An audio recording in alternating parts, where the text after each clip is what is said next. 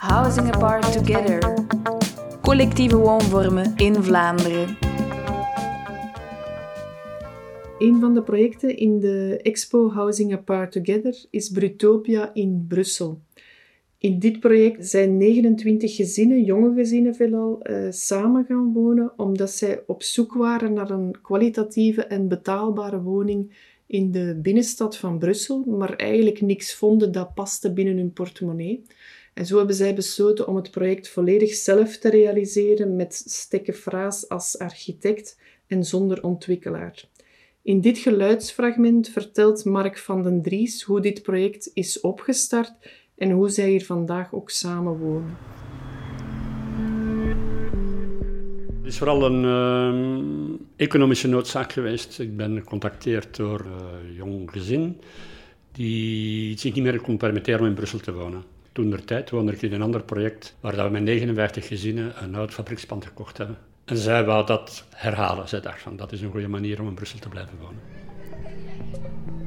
Dus het proces van uh, opstart tot uh, keuze van de site heeft geduurd van augustus 2008 tot maart 2009. De groep heeft lang gediscuteerd van waar dat we wouden wonen in Brussel. We hebben daar kaart van Brussel genomen, een grote cirkel getrokken en elk uh, gebouw dat leeg stond of elke site dat leeg stond gerapporteerd aan de werkgroep architectuur. Dus de werkgroep architectuur kon dan elke keer aftoetsen of ons programma haalbaar was op de sites die werden gerapporteerd. Aangezien we al wisten op dat moment hoeveel vierkante meters uh, er moesten kunnen ontwikkeld worden en hoeveel vierkante meters buitenruimte we graag hadden gehad. Als de werkgroep architectuur beoordeelde dat het zou kunnen, werd het doorgegeven aan de architecten. En die maakte dan een haalbaarheidsstudie. Er zijn zo 28 haalbaarheidsstudies gemaakt. En uh, daarvan hebben we er eentje gekozen. Uh, en hebben we uh, dus contact opgenomen met de eigenaars. Ja, dan beginnen de onderhandelingen in feite. Dat was nog een lastige periode. We hebben gewerkt met twee architectenbureaus. Ik kende persoonlijk het architectenbureau Stekken en Frans, waar ik al een paar keren mee gewerkt had. Omdat zij tijdens het traject ook hebben besloten om daar te gaan wonen in Brutopia, wat niet eerst het plan was. En we hebben beslist om de uitvoeringsplan te laten uitvoeren door een tweede bureau. En dat is dan uh, met uh, Pierre Jongen en uh, Watsenko. En dat, zijn de, dat is het architectenbureau dat de uitvoeringsplannen, dus de, de uitvoering van het gebouw heeft opgeworpen. Ik vind het bijzonder fijn, ik denk voor de, mensen, de meeste mensen die hier wonen, vinden het bijzonder fijn om hier te mogen samenwonen. Wij zijn geen, of de meeste toch niet, zijn geen echt goede vrienden, maar we zijn wel hele goede buren. Hele goede buren in de zin van dat we samen aperitieven, samen helpen, samen onze klusdagen organiseren, uh, elkaar helpen waar dat het nodig is. En dat is fijn om, om met zulke, zulke mensen te mogen samenwonen.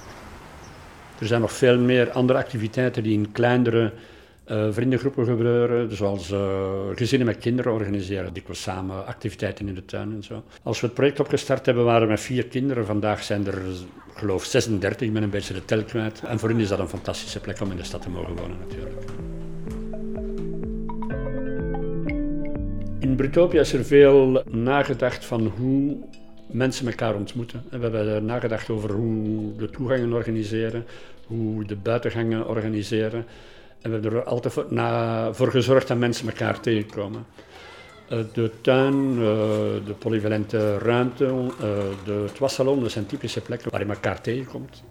Het wassalon is gelegen aan de tuin en dat maakt dat terwijl het de was wordt gedaan, dat, dat dat je zicht hebt op de kinderen die buiten spelen. Het is een veilige plek, ook de tuin, omdat die tussen twee gebouwen zit en de kinderen daar echt uh, vrij kunnen spelen. En er is altijd één of ander ouder die de boel in toog houdt.